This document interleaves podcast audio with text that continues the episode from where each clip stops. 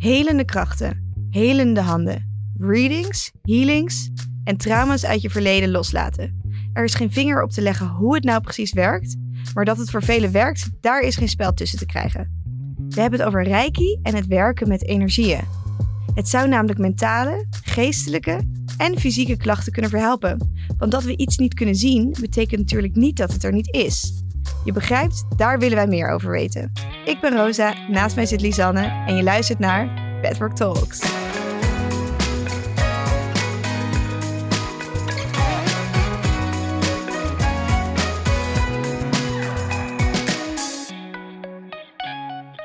En tegenover ons aan tafel zit dan weer Marjolein Berendsen. Uh, en zij zit dus hier om over energie en reiki te praten. En ze is al bijna twintig jaar bezig het spirituele pad te bewandelen.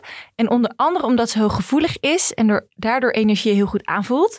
Een aantal jaar geleden ben jij, als ik het goed zeg, twee opleidingen gaan ontwikkelen voor natuurtherapieën en reiki. En die geef jij onder de noemer Zoma-opleidingen. En ik denk alleen maar, wat bijzonder. Hoe kom je in hemelsnaam terecht waar jij nu bent? Hoe heb je dit voor elkaar gekregen en, en hoe, hoe kwam je daar?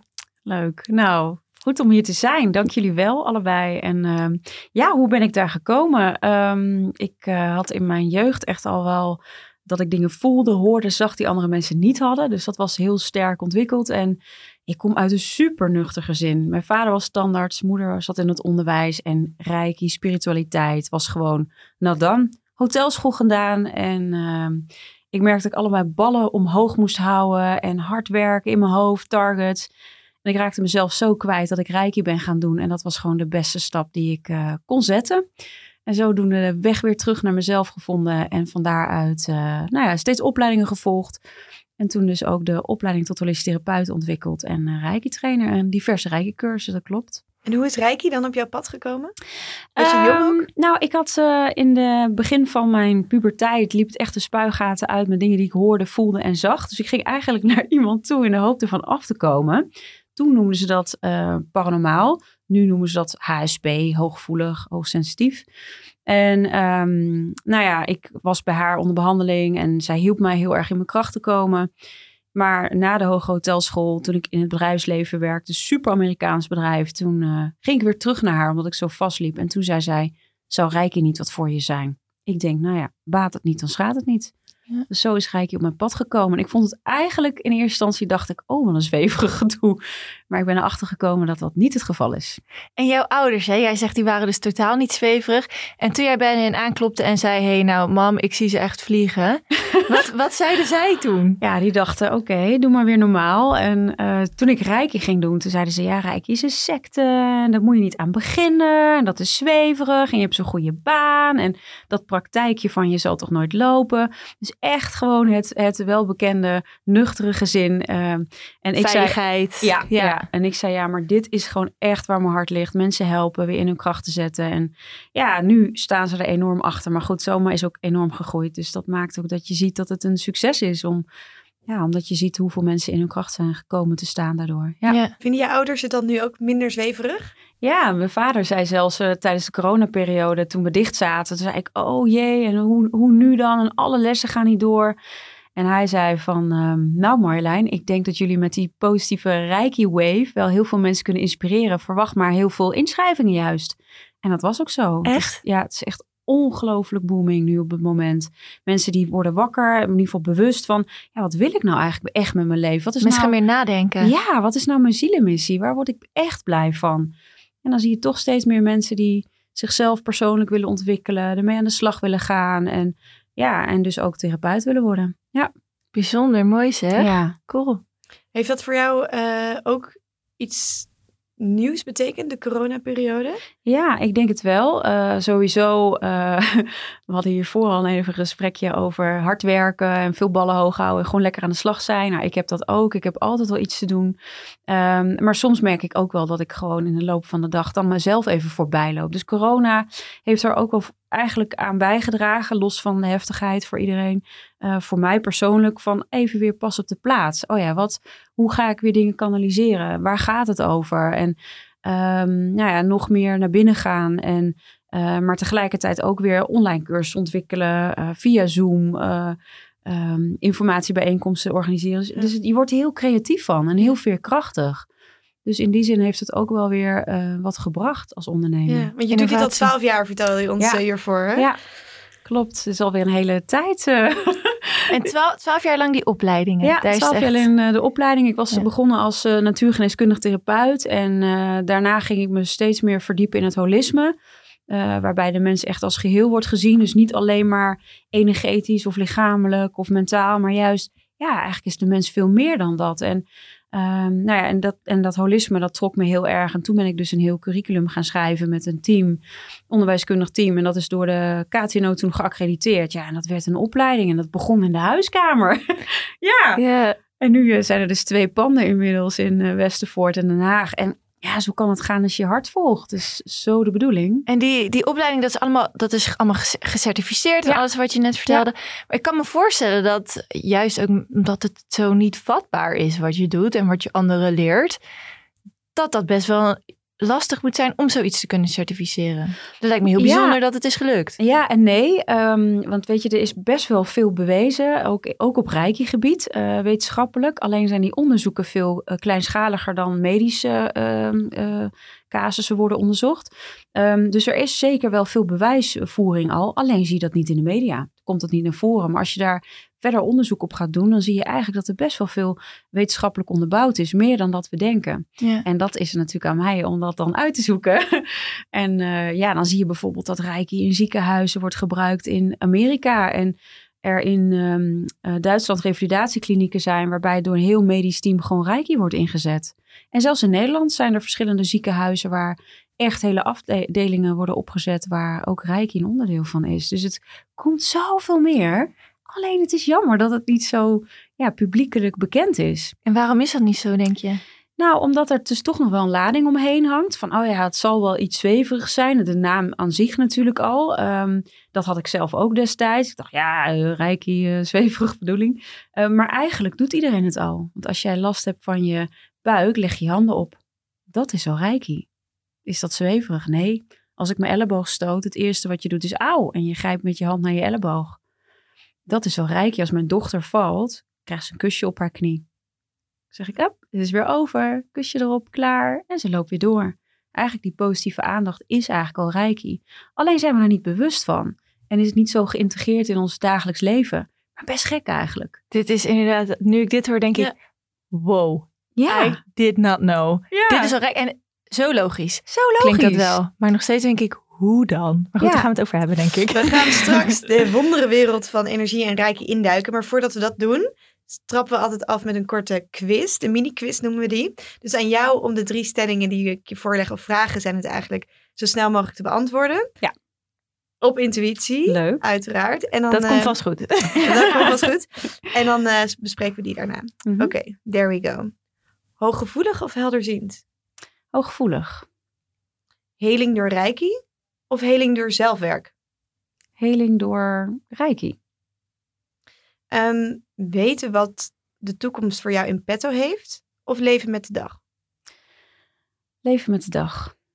Ja. Mooi. Jij zei, ehm, ik vroeg jou net, eh, hooggevoelig of helderziend.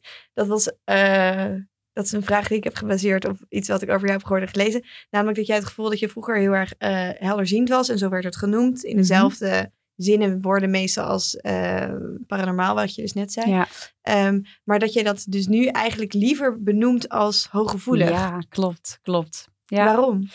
Omdat eh onder helderziend ook wel vaak een beetje, ehm, nou ja, misschien herkennen jullie nog eh, Jomanda van vroeger. Dat werd vaak een beladen item. Ik, heel vaak komen mensen binnen bij Zomer en die zeggen dan, oh, ik dacht dat je een blauwe jurk aan zou hebben. Oh, ik dacht dat je heel zweverig zou zijn en ik was op zoek naar je geitenwolle sokken. Hé, maar je bent eigenlijk heel normaal. En ik denk dat iedereen wel iets heeft van hooggevoeligheid of, of een bepaalde mate van gevoeligheid. Zeker in deze maatschappij waar we nog meer te maken krijgen met computers, telefoons. Mensen worden ook gevoeliger. Dat zie je zeker ook aan kinderen die geboren worden. Ehm, dus ik wil het juist zo toegankelijk mogelijk maken voor iedereen. Maar dat betekent niet dat hooggevoelig natuurlijk precies per se hetzelfde is als helderziend. Want Nee. ik kan me voorstellen dat je helderziend bent als je... Nee, hooggevoelig bent als je helderziend bent, maar niet per se helderziend als je hooggevoelig bent. Ja, het is zo dat ik zie dat hooggevoelig eigenlijk op alle niveaus ook terugkomen. En uh, helder zien heb ik later ook zeg maar in de intuïtieve vermogens ontwikkeld. Dus, uh, dus die hebben we veel meer aan de intuïtie gekoppeld. En dat maakt het wat tastbaarder ook. Want intuïtie heeft, kent iedereen wel. Um, maar dat kan je in meer of mindere mate ontwikkelen. En dat is te ontwikkelen als een soort spier van je ziel. Zo zou je het eigenlijk kunnen zien. En, um, en hooggevoelig als je dat bent, dan zie je vaak dus dat die intuïtieve vermogens ook al sterker ontwikkeld zijn. Dus daar zit zeker wel een, uh, een koppeling tussen. Ja. ja. en helder zien zou dan nog een stap verder gaan, waarin je dus misschien nog meer ja. informatie binnenkrijgt ja. dan gevoelig zijn. Klopt, en dat is echt te ontwikkelen. Ja. Nice. Daarna een heling door Reiki of heling door zelfwerk. Ja. Dus zei je heling door Reiki. Ja, het is eigenlijk beide. Um, ik denk dat Reiki voor veel mensen een stap kan zijn waarbij, uh, waarbij je ook op onbewust niveau dingen gaat vinden waarvan je niet wist dat je het in je, nou ja, ik noem het je spreekwoordelijke kelder hebt zitten. Dus we hebben allemaal onze kelder waar we onze pijnen, trauma's, uh, um, nou ja, overlevingsmechanismen, patronen hebben zitten. Daar kan je met zelfwerk op een bewust niveau, bijvoorbeeld met een psycholoog mee aan de slag. Maar Reiki brengt je soms ook op plekken waarvan je niet eens wist dat je dat had. Of dat je merkt, wauw, ik merk ineens een blokkade op een plek. Oh, waar gaat dit eigenlijk over? Dus ik had bijvoorbeeld vaak last van mijn onderrug. En dan kwam ik op een gegeven moment achter, hé, hey, daar zitten manieren. Maar dat gaat eigenlijk over een basisgevoel van basisveiligheid en basisvertrouwen.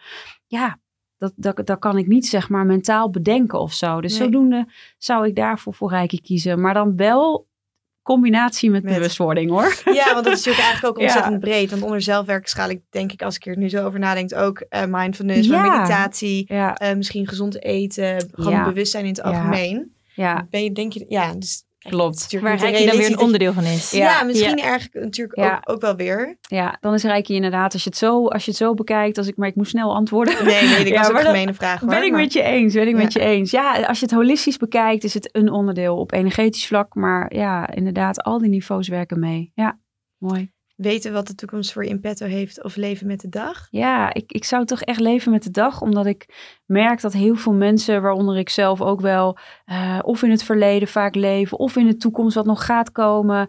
Uh, maar dan leef je dus niet in het nu. En het nu is het enige moment dat er is. En ik ben daar zelf achter gekomen door mijn dochter. Uh, toen ze geboren werd, ja, dan ben je gewoon heel erg in het nu door met dus dingetjes te spelen. Ze ontdekken de natuur.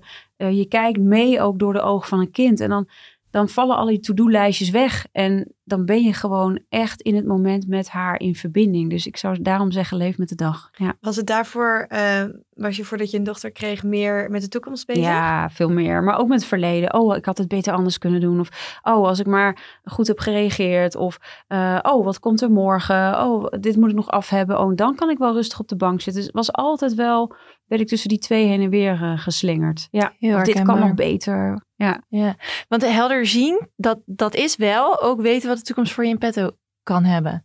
Ja, dat is ook. wat jij zag. En... Ja, ook. Maar ook wel uh, dingen helder krijgen voor jezelf. Van, hey, dit is wel goed voor mij. Of dat is niet goed voor mij. Of zien van inzichten. Dus uh, ja, het is eigenlijk breder dan alleen uh, de toekomst zien. En ik geloof ook dat als je beelden ziet uh, soms um, ja, kan dat ook heel erg beïnvloeden in je dagelijks leven, dat je er naartoe gaat leven. Maar ik geloof nog steeds dat er zoiets is als je dat je zelf kan creëren wat je, wat je toekomst wordt. Dus iets zien in de toekomst kan ook heel erg afleiden van waar je nu leeft. Ja. Daar hebben we een hele leuke inhaker op. Lies?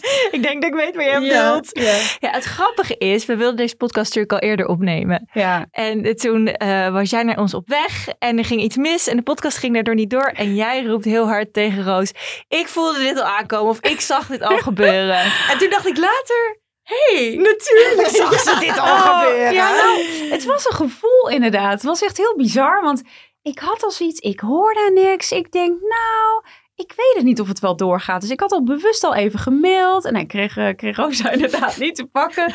Is, ik zei dat tegen mijn vriend van... Nou, ik ga er gewoon heen en ik zie wel. En hij zei, ja, maar je hebt er wel een gek gevoel bij, hè? Ik zeg, ja, ja, dat klopt. Ik zeg, maar ik ga gewoon, weet je, we zien het wel. En inderdaad, halverwege, ik was, het was regende heel hard die dag. En uh, nou ja, dat is het, dus het uh, reed allemaal wat minder snel door. Dus ik denk, nou, Rosa, even bel ik ietsjes later ben. En toen zei je echt, nee, uh, hebben een afspraak staan? maar daarna was ik ook heel snel oké okay daarmee. Ja. Oké, okay, prima. Het, ja, dat was ook echt, ja, ook in het Zo moment grappig. is dat ook.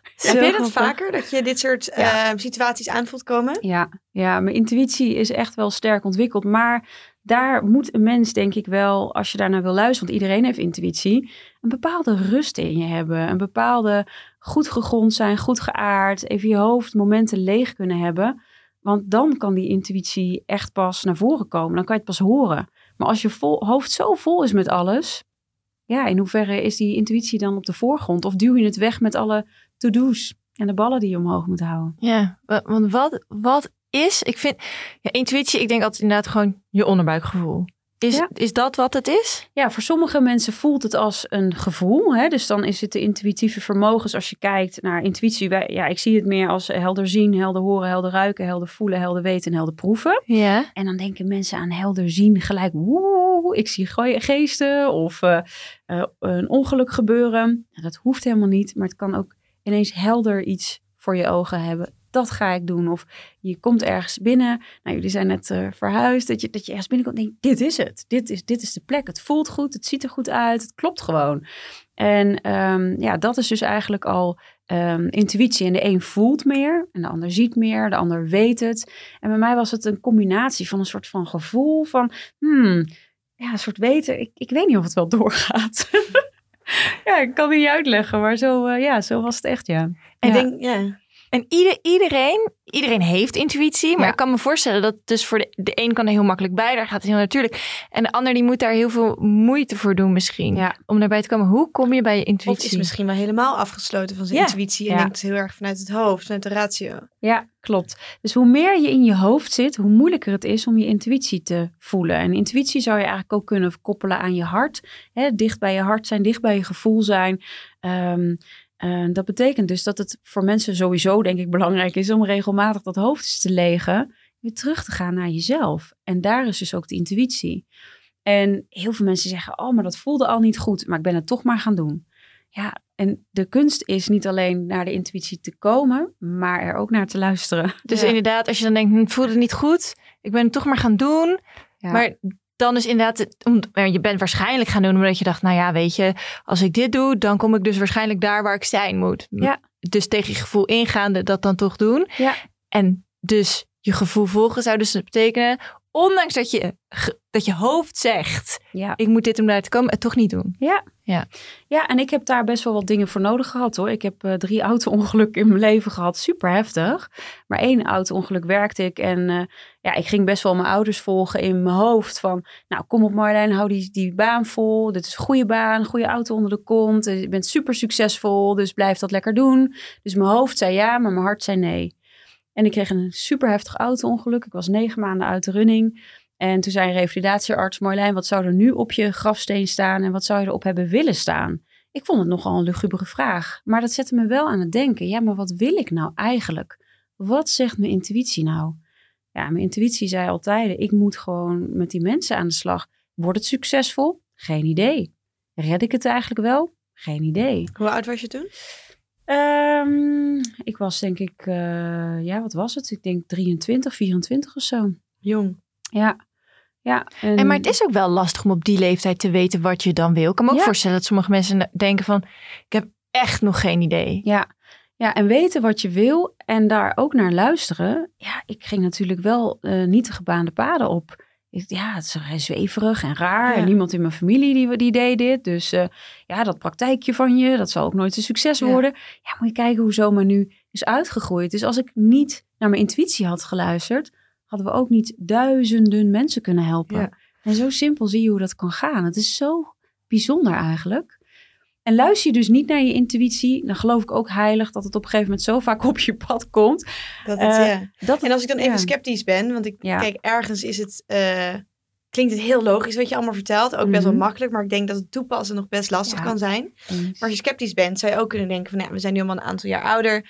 Ehm, op een gegeven moment weet je ook gewoon door bepaalde dingen te hebben meegemaakt vaker van, dit is waarschijnlijk niet zo slim, want ik heb al vaker zo'n soort iemand in mijn leven gehad of zo'n kans gekregen. Dat is eigenlijk misschien niet slim. Dus waar is het dan je intuïtie of waar is het dan gewoon je gezond verstand Ja. die leert door een paar keer op zijn Ja. te zijn gegaan? Hele goede vraag. Ja, ik zie intuïtie echt als split second. Echt in een split second voel je het, weet je het.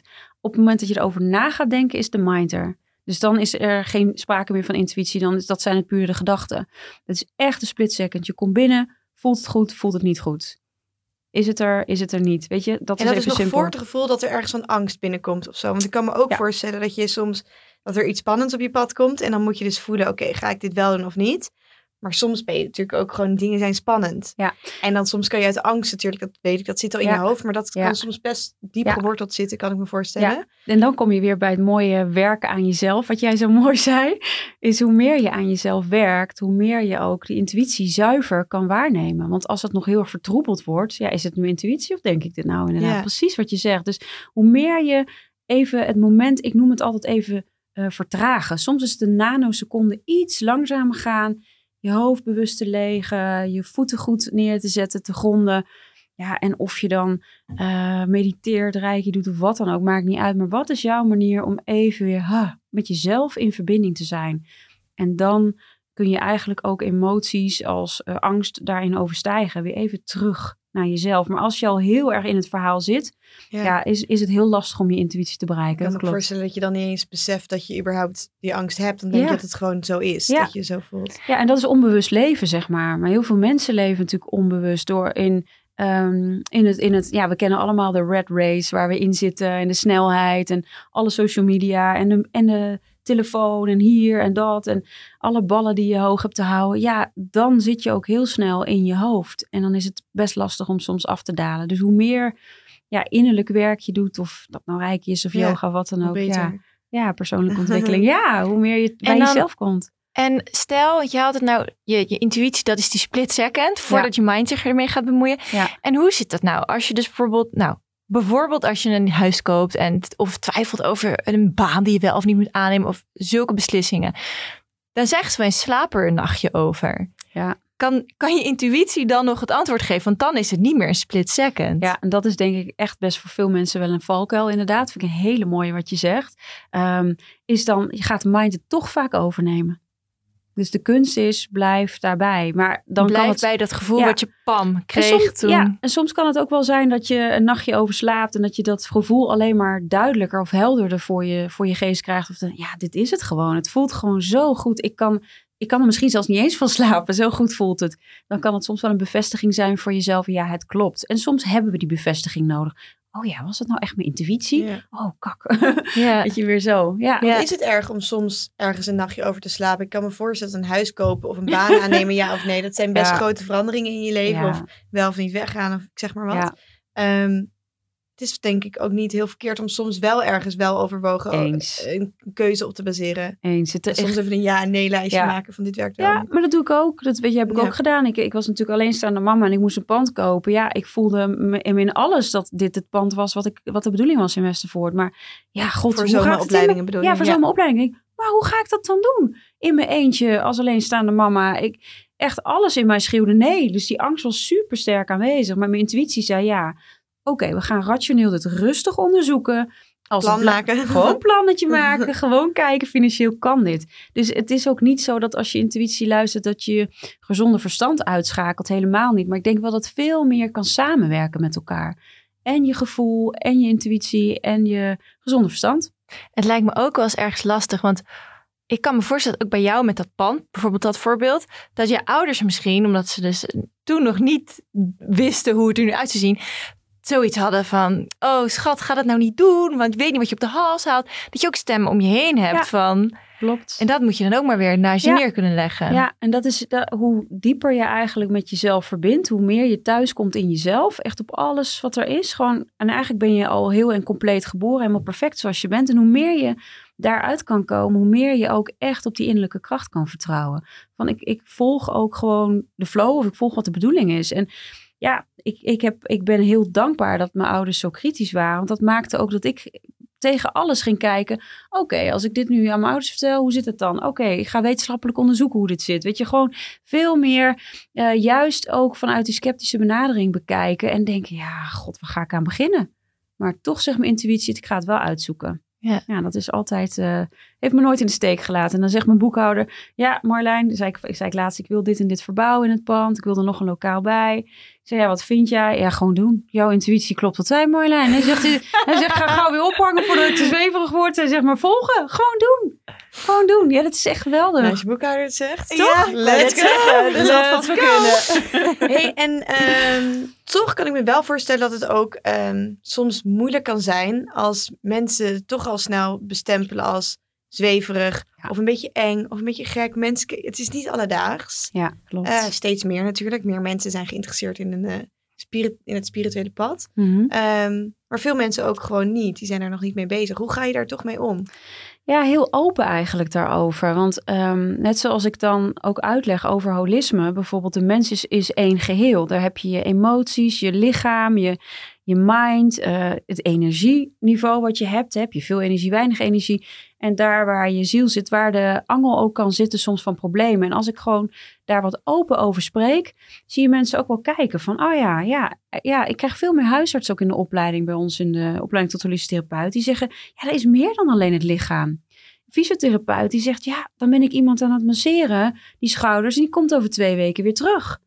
Ja, en dan, weet je, daar zit nog iets onder. Er zit ook een bepaalde psychosomatiek onder. En ja, of je dat met reiki doet of wat dan ook, je kan zoveel manieren inzetten om iemand weer eigenlijk in zijn kracht te, te zetten. Maar heel veel ehm, dingen in onze maatschappij zijn eh, specialistisch op bepaalde vlakken. Maar wie kijkt nou eigenlijk naar de Een mens als geheel? Ja. En als je dan dat gesprek aangaat, zie je mensen kijken, ja, dat is eigenlijk ook wel zo. Het heeft allemaal invloed op elkaar. Als ik pijn heb in mijn rug, ja, eh, logisch dat je op een gegeven moment misschien wat meer verdriet kan hebben of boos kan worden. En dat je energie minder wordt, dat je minder goed slaapt en dat je misschien wel meer in je koppie gaat zitten en, enzovoort, enzovoort, enzovoort. Dus het heeft allemaal invloed op elkaar. En, en zo probeer ik dat steeds ook aan te vliegen. Ja, heel dat brengt ons denk ik dan meteen mooi bij Reiki. Want dat is natuurlijk eh, een van de redenen waarom we hier bij elkaar aan tafel zitten. Ja. Ehm, wat is Reiki precies?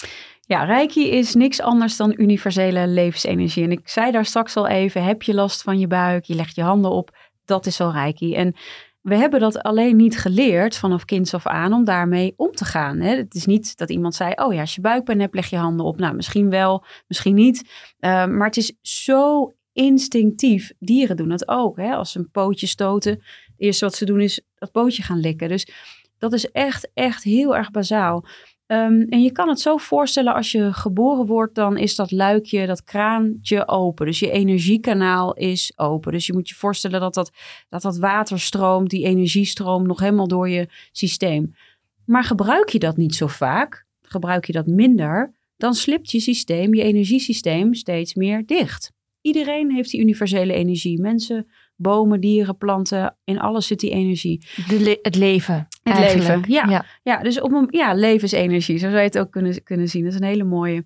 Um, maar zet je de kraan weer open, of bij Rijkenkeurs zet je eigenlijk de kraan weer heel goed open. En je moet je voorstellen als je een jaar op vakantie bent geweest, op sabbatical bent geweest, um, en je kraan is dus dicht, en je zou dat kunnen vergelijken met je eigen energieveld.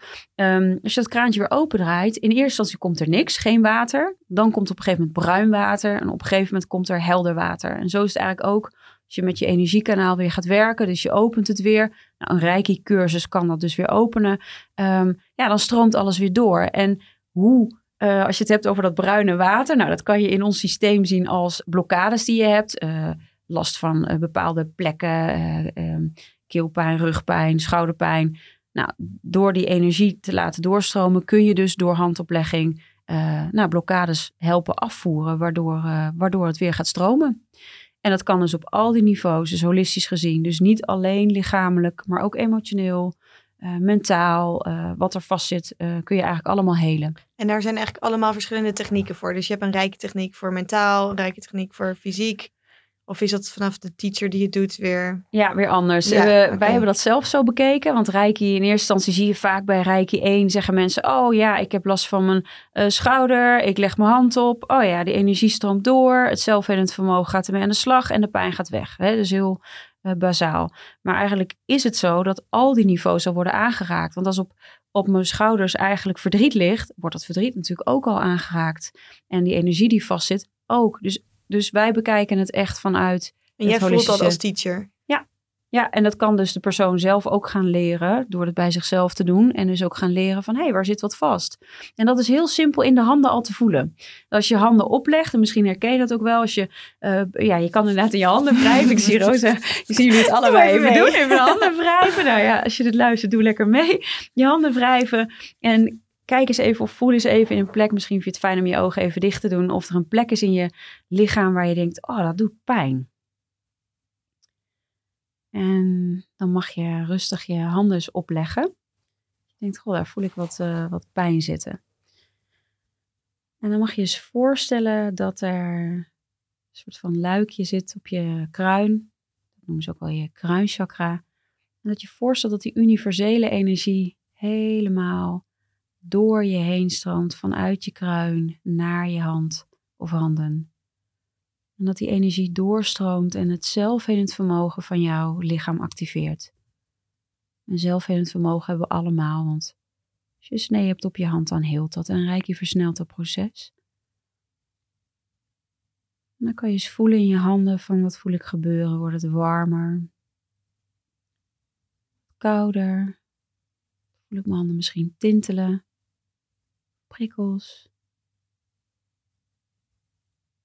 Mag je helemaal vanuit je intentie voorstellen dat je ehm, je energie doorgeeft. Het zelfhelend vermogen, die kwaal of die blokkade, of die klacht of die pijn mag loslaten, zodat je dat kan helen.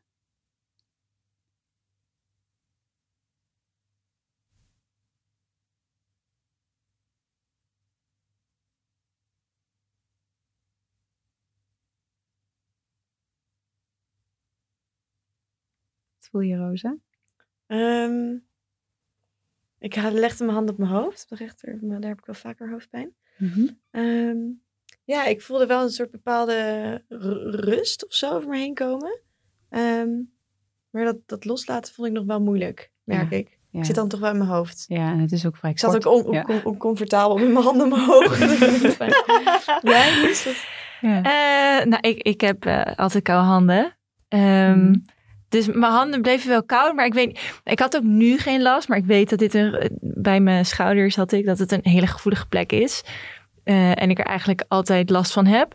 Um, en ik voel het een beetje kloppen of zo. Mm En dat is misschien ook omdat daar dus iets niet helemaal uh, goed zit. Maar ik dacht inderdaad ook, ja, waarschijnlijk doen we dit nu even twee minuutjes. Ja. Wat zal dit gaan helpen? Ja. Weet je wel dat je een beetje zo sceptisch nadenkt. Mm -hmm. Maar uh, ja, ik weet niet, ik, ik, ik geloof wel heel erg in de kracht van die energieën, maar het is zo vaag. Dat is mijn probleem. Je, je, er valt natuurlijk gewoon geen vinger op te leggen. Ja, wel. Maar...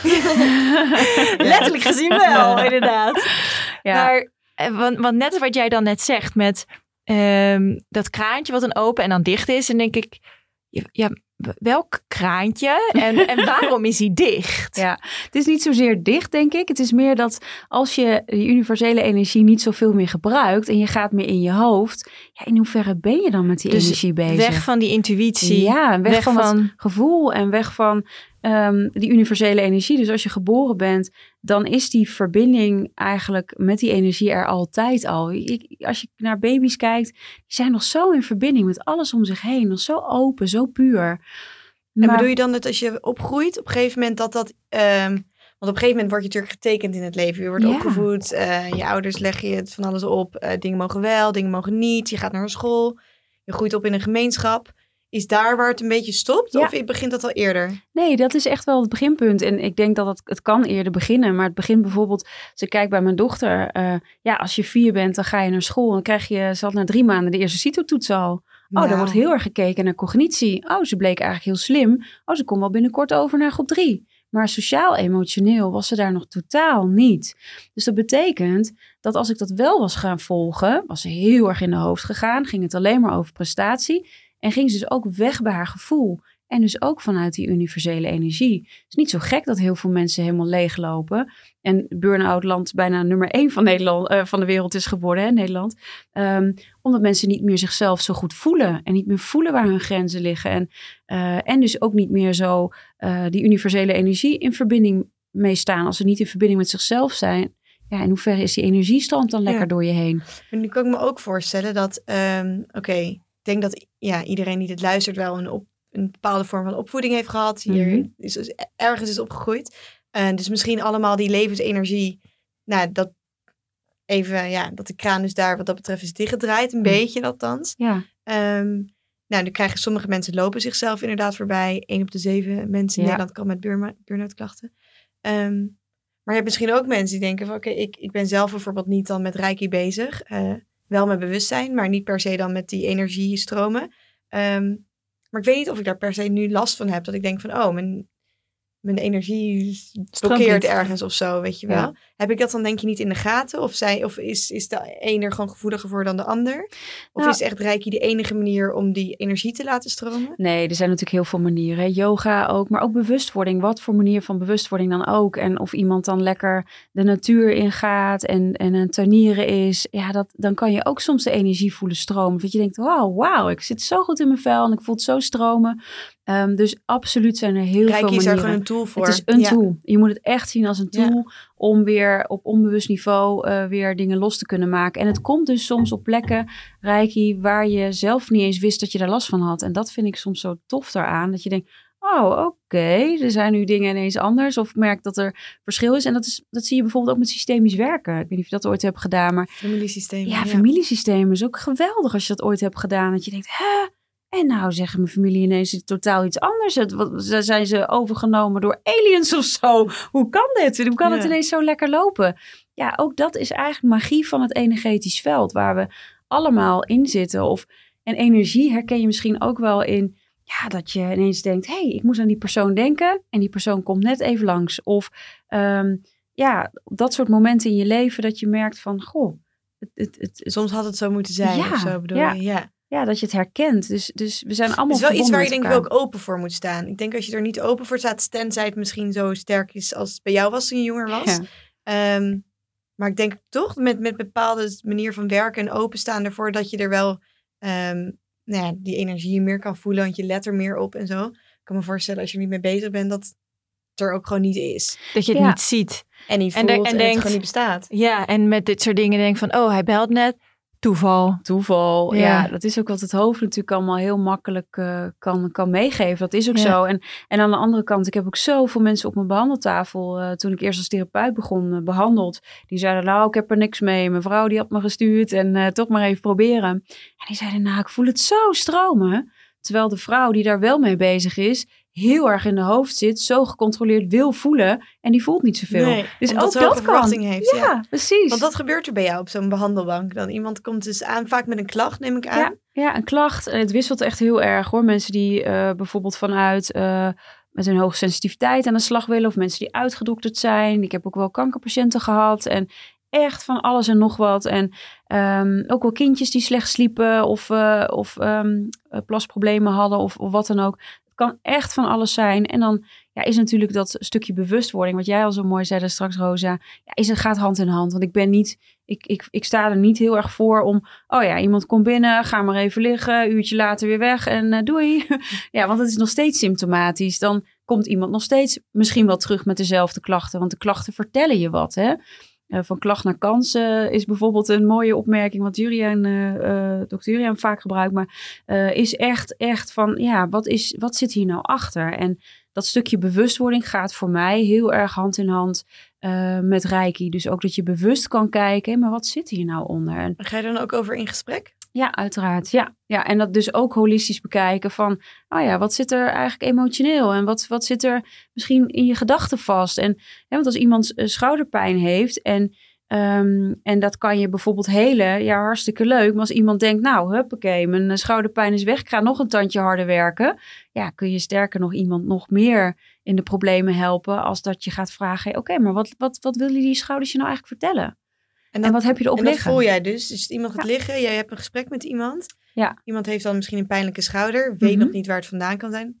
Ehm, jij gaat er met je handen Ja. overheen en Ja. voelt dan ook waar dat vandaan komt. Ja, dat kan iedereen de leren. diepliggende Wauw. gedachte van of het nou verdriet is, Ja. Kan je dan ook voelen, oh ja, je hebt je schouder gewoon geblesseerd? Nee, dat is natuurlijk wat anders. Het gaat echt om een Ja, beenbotbreuk.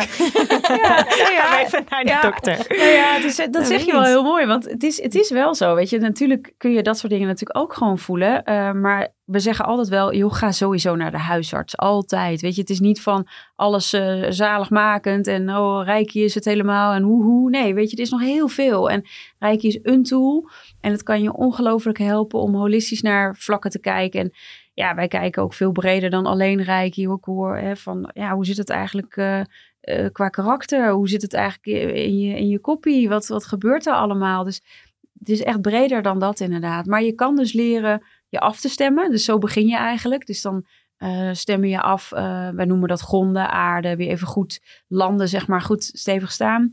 En dan is er dus een manier om dus die energiekanaal dus echt bewust weer te openen. Of gewoon bewust, bewust eh, in verbinding te zijn met jezelf.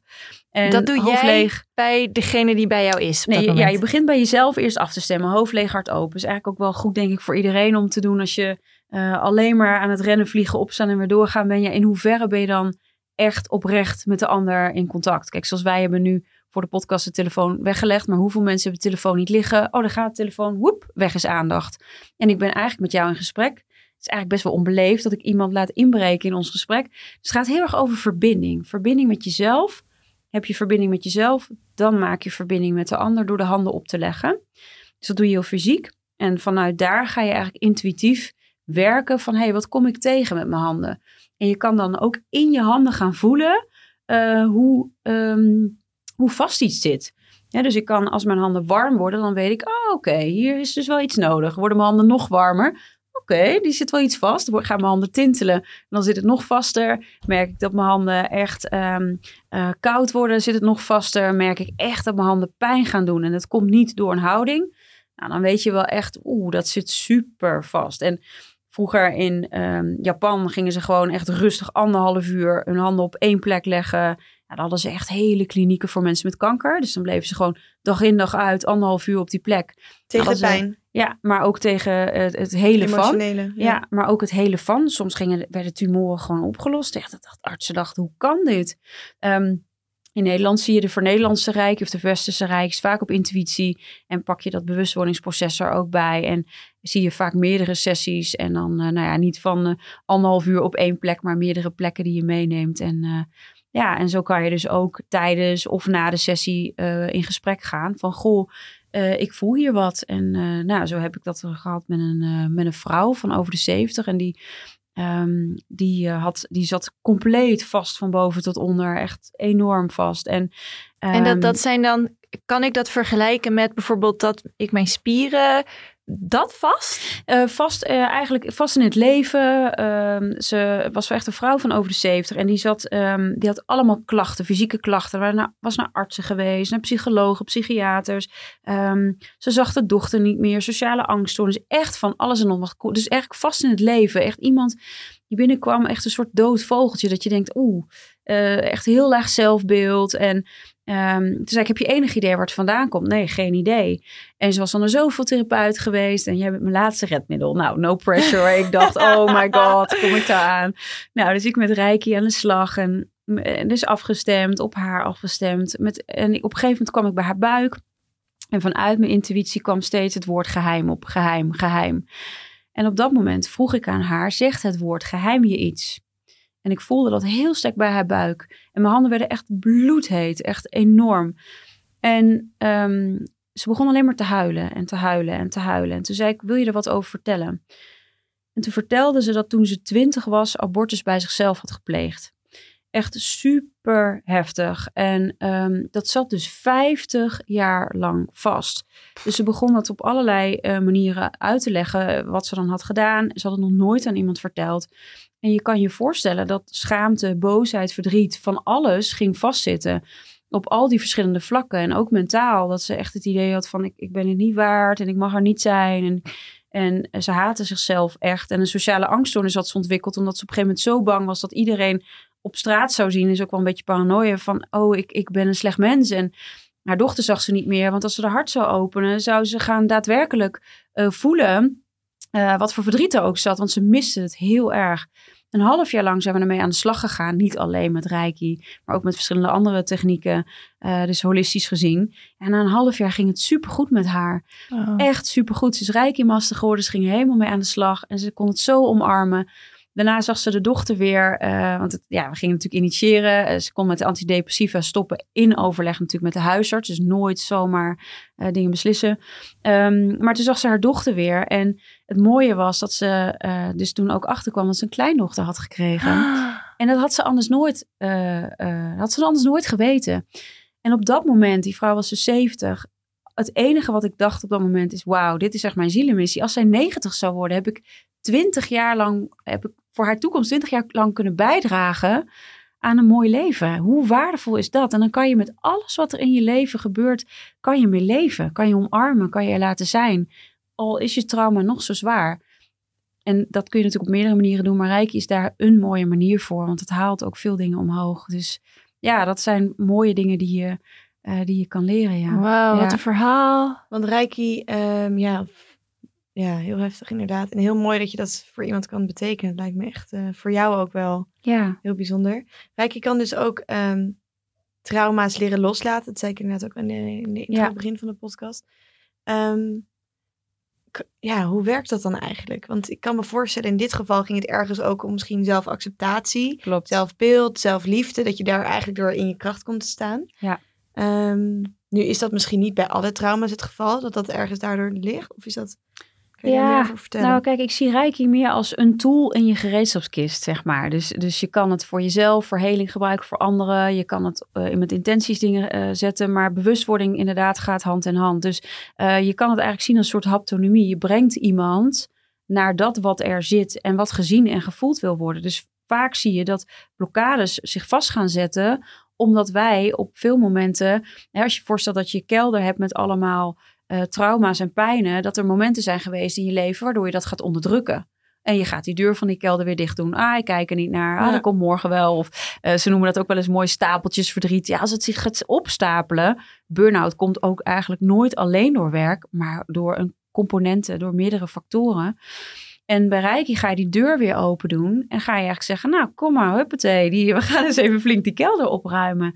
En vanuit energetisch vlak en bewustwording. Nou ja, en dat holistische pak ik er dus wederom weer bij. Want alleen energetisch is ook niet zaligmakend. zaligmakend. Het is echt alles bij elkaar. ja. En dan kun je dat dus gaan, eh, gaan onderzoeken en helen. En Ja. jij, jij legt dus jouw handen in dit geval op, de, op, op het lichaam van die vrouw. En je voelt dan.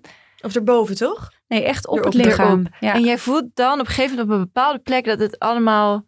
Ja, het werd Warm. zo warm. Maar hoe, de- hoe kan pijn. dat? Hoe kan dat? Als ik dat doe, dan heb ik dat dan waarschijnlijk niet. Dat is omdat jij Reiki Master bent, denk Ja, ik. maar je kan het leren. Iedereen kan het leren. Dat heeft weer met de intuïtie te maken die je dus traint. Nou, je, eh, iedereen kan reiki leren. Dus, dus sowieso door je handen op te leggen, dan kan je intuïtie niet eens zo sterk zijn, kan je al gaan helen. Dus dat staat in die zin nog even los van de intuïtie. Door intuïtie kan ik voelen, hé, hey, hier zit iets op die plek. En dan krijg ik het, van mij was het dus het woord geheim wat opkwam.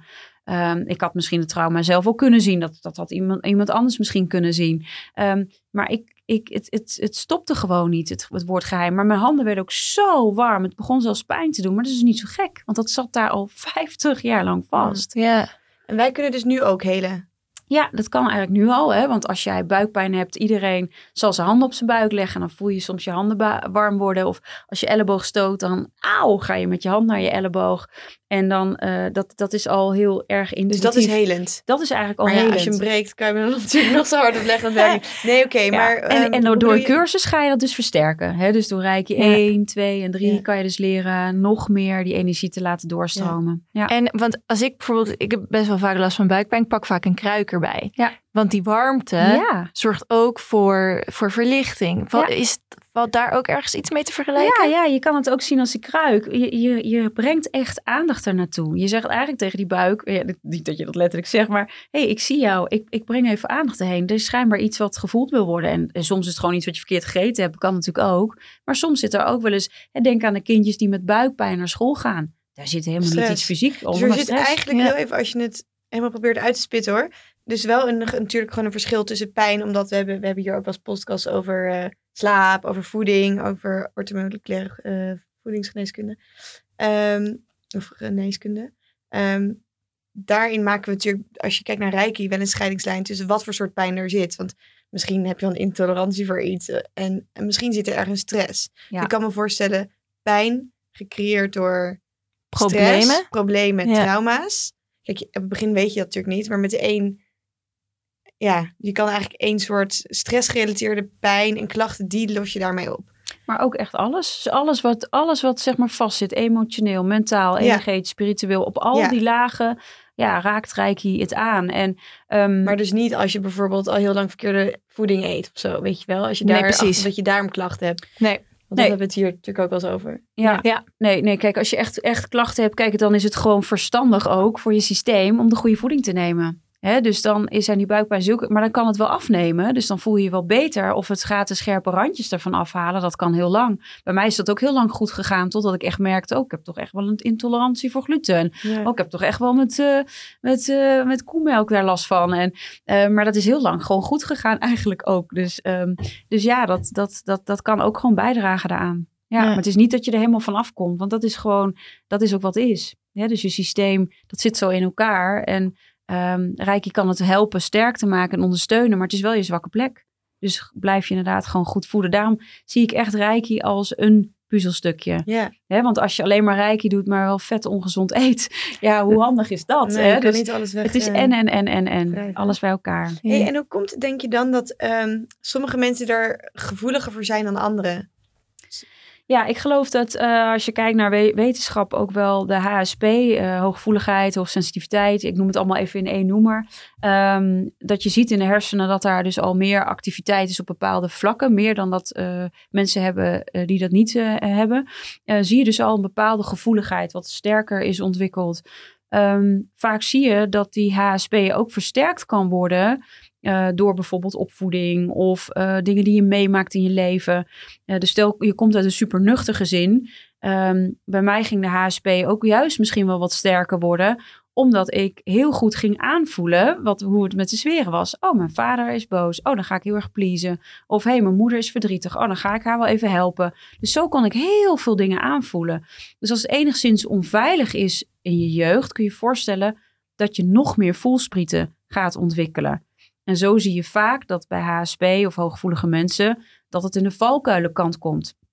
Mensen voelen zich anders of mogen er niet zijn. Of eh, hè, ik ga naar een feestje en ik voel me leeggezogen. Of hè, ik ben bij die ene collega en ik ben zo moe. Of eh, poeh, ehm, ik voel al die prikkels. Of oh, ik ben gevoelig voor licht of geluid. Eh, dus dan zie je het vaak in de valkuilenkant. Best jammer.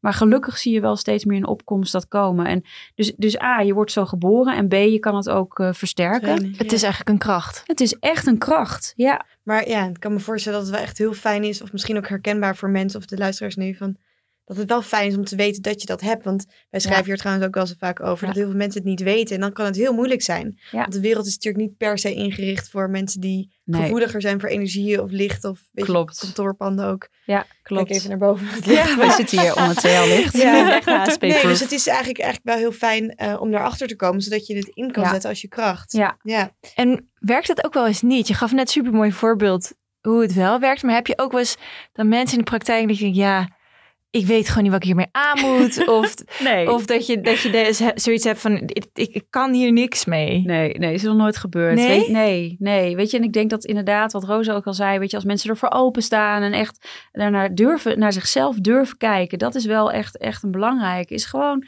echt ook open en kwetsbaar kunnen kijken van, hé, hey, wat zit daar? Of waar gaat dit over? Dus het vraagt ook wel eigen verantwoordelijkheid en verantwoordelijkheid nemen voor jouw geluk en ook je leven, je mooiste leven leven.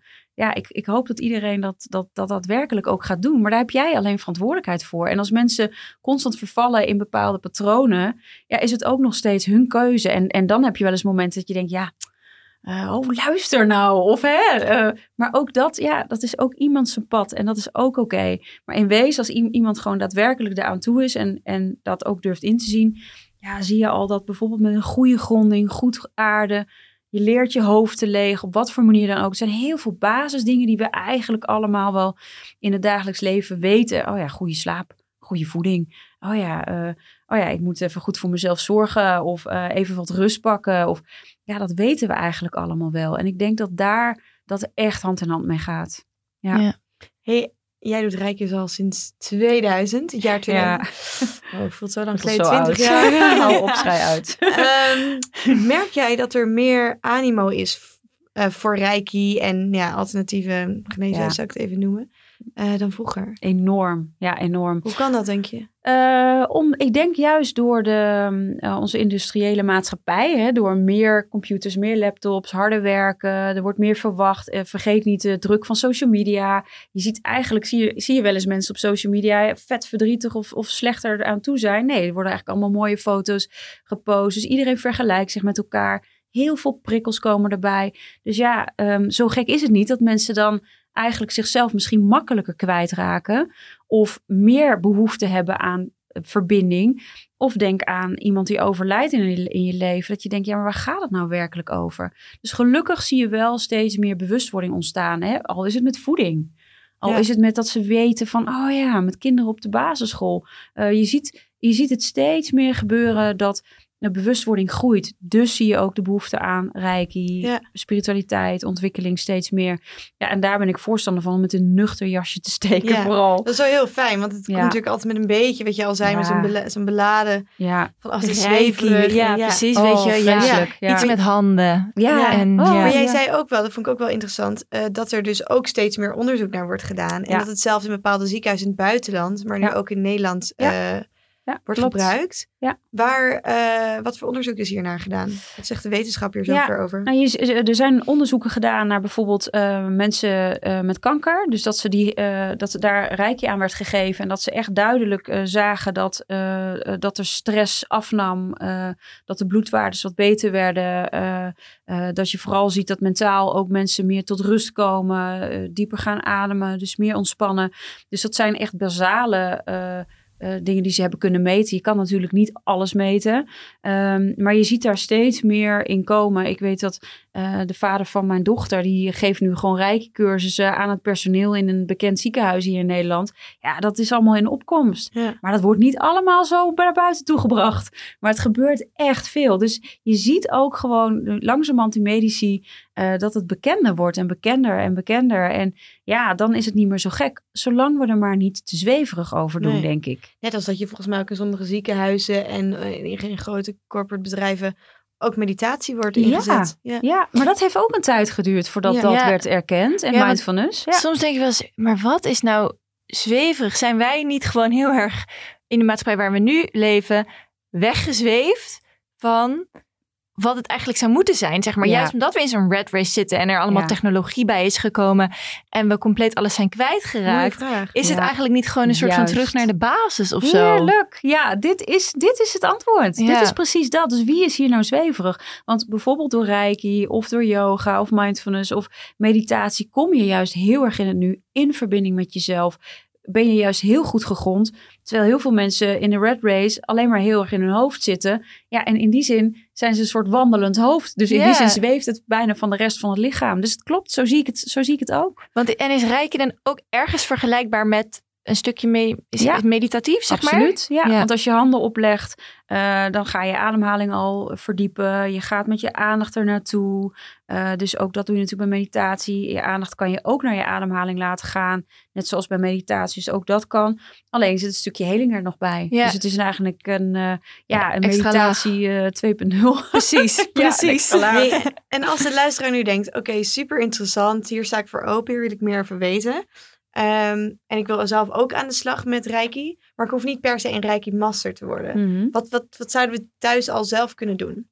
Eh, nou ja, Reiki Master is natuurlijk echt, eh, heb je echt als derde graad. Kijk, het begint al bij een Reiki 1 cursus. Dat is één dag en een terugkommoment.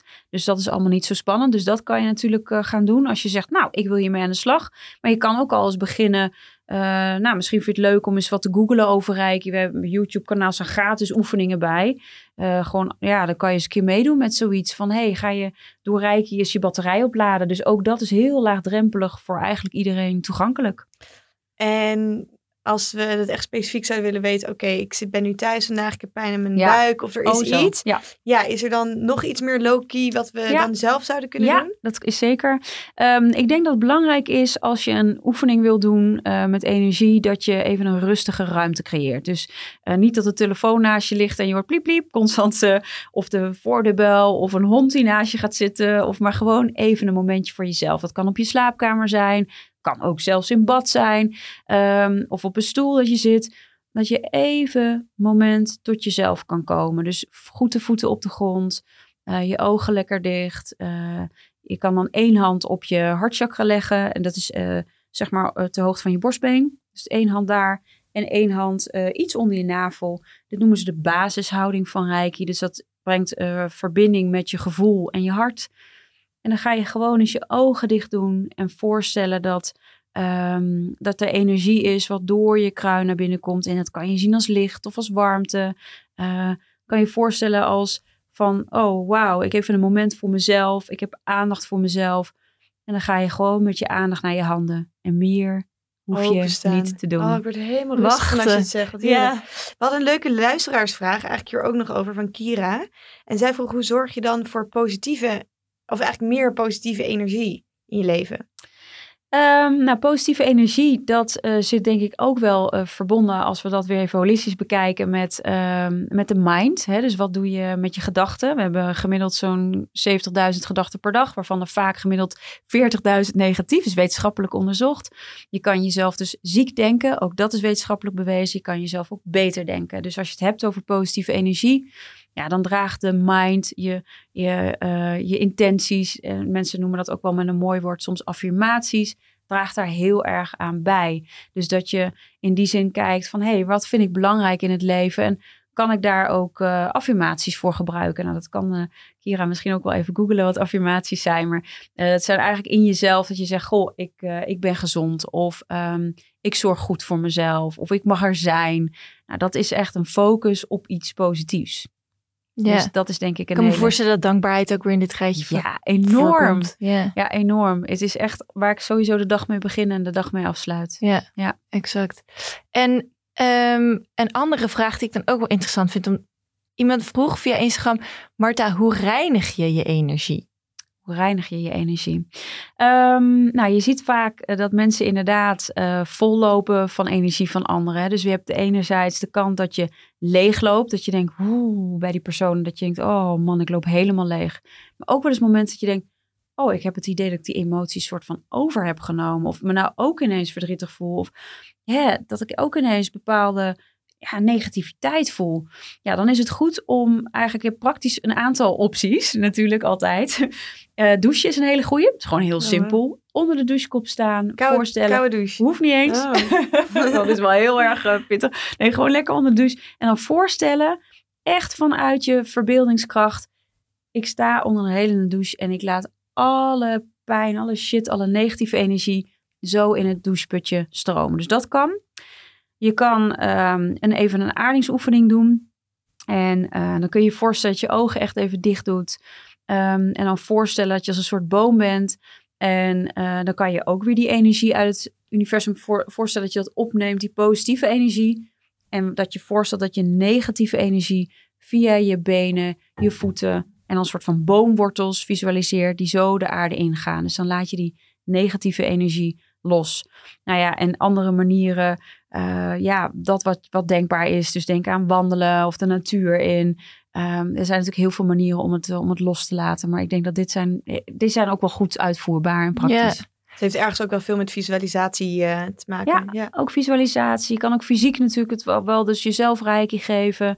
Wandelen de natuur in kan ook helpen om voor te stellen, "Poeh, ik laat het los. Maar inderdaad, visualisatie is daar wel een heel mooi onderdeel van. Ja, kan bijdragen. En raad je het iedereen aan, Reiki? Ja, tuurlijk. Ja. Ook, ook mij als ik nu denk, nou, ik heb niet echt een iets waarmee ik bij jou op de handeltafel zou kunnen komen, maar kan het dan alsnog iets voor mij betekenen? ja, zeker. dan alsnog kun jij dingen Ja, doen. weet je, het, ik zeg ook altijd, ehm, als je herkent dat je wel eens leegloopt na een dag, dat je denkt, poeh, wow, echt, ik ben weer helemaal leeggelopen. Dan kun je je voorstellen dat je lichaam is als een glas en het water wat erin zit is je energie.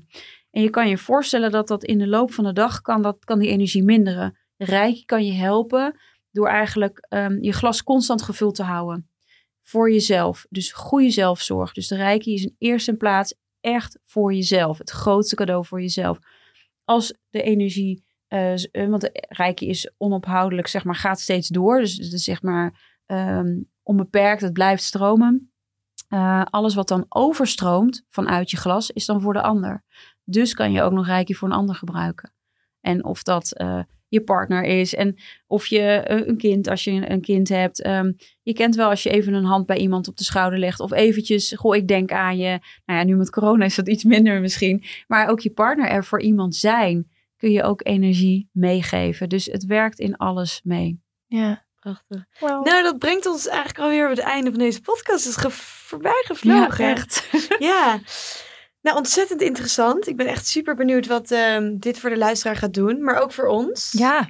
Ja, het zijn toch weer heel veel nieuwe inzichten. En uh, nou, ook wel echt heel erg iets volgens mij waar je heel erg voor moet openstaan en ook wel bewust van moet zijn. Uh, Marjolein, ontzettend bedankt dat je hier al onze ook kritische vragen wilde beantwoorden. Ja. Als onze luisteraars nou meer willen weten, waar kunnen ze jou vinden? Um, ze kunnen het beste kijken op Zoma opleidingen, dus www.zoma-opleidingen.nl. En daar zie je de rijke cursussen, daar zie je uh, ook uh, de opleiding tot holistisch therapeut. En nou ja, daar kun je ook informatie vinden en gratis YouTube filmpjes waar je dit uh, kan doen. En als jullie het leuk vinden, dames, mogen jullie ook gratis een rijke cursus volgen. Dus kies maar waar je wil. Nou, wat ik ja. langs. In Den Haag. Ik ben reuze benieuwd. Ja. Leuk. Ja, dus ja. mogen jullie kiezen of in Den Haag, Voorburg of in Westervoort. Kijk maar wat, wat jullie fijn vinden, datum naar keuze. Oh, heel tof. Gaan we verslag van doen. Ja, tof. Leuk om dat te doen. Ook, uh, ja, nou, ik ben ontzettend benieuwd. Uh, nou, mocht de luisteraar nog verder vragen hebben over de wereld van energie of uh, vragen aan ons of over andere podcasts, je kan ons altijd even een mail sturen naar info@bedrock.nl of een uh, direct message sturen op Instagram. dat kan naar @bedrockmagazine. Tot de volgende keer. Doei.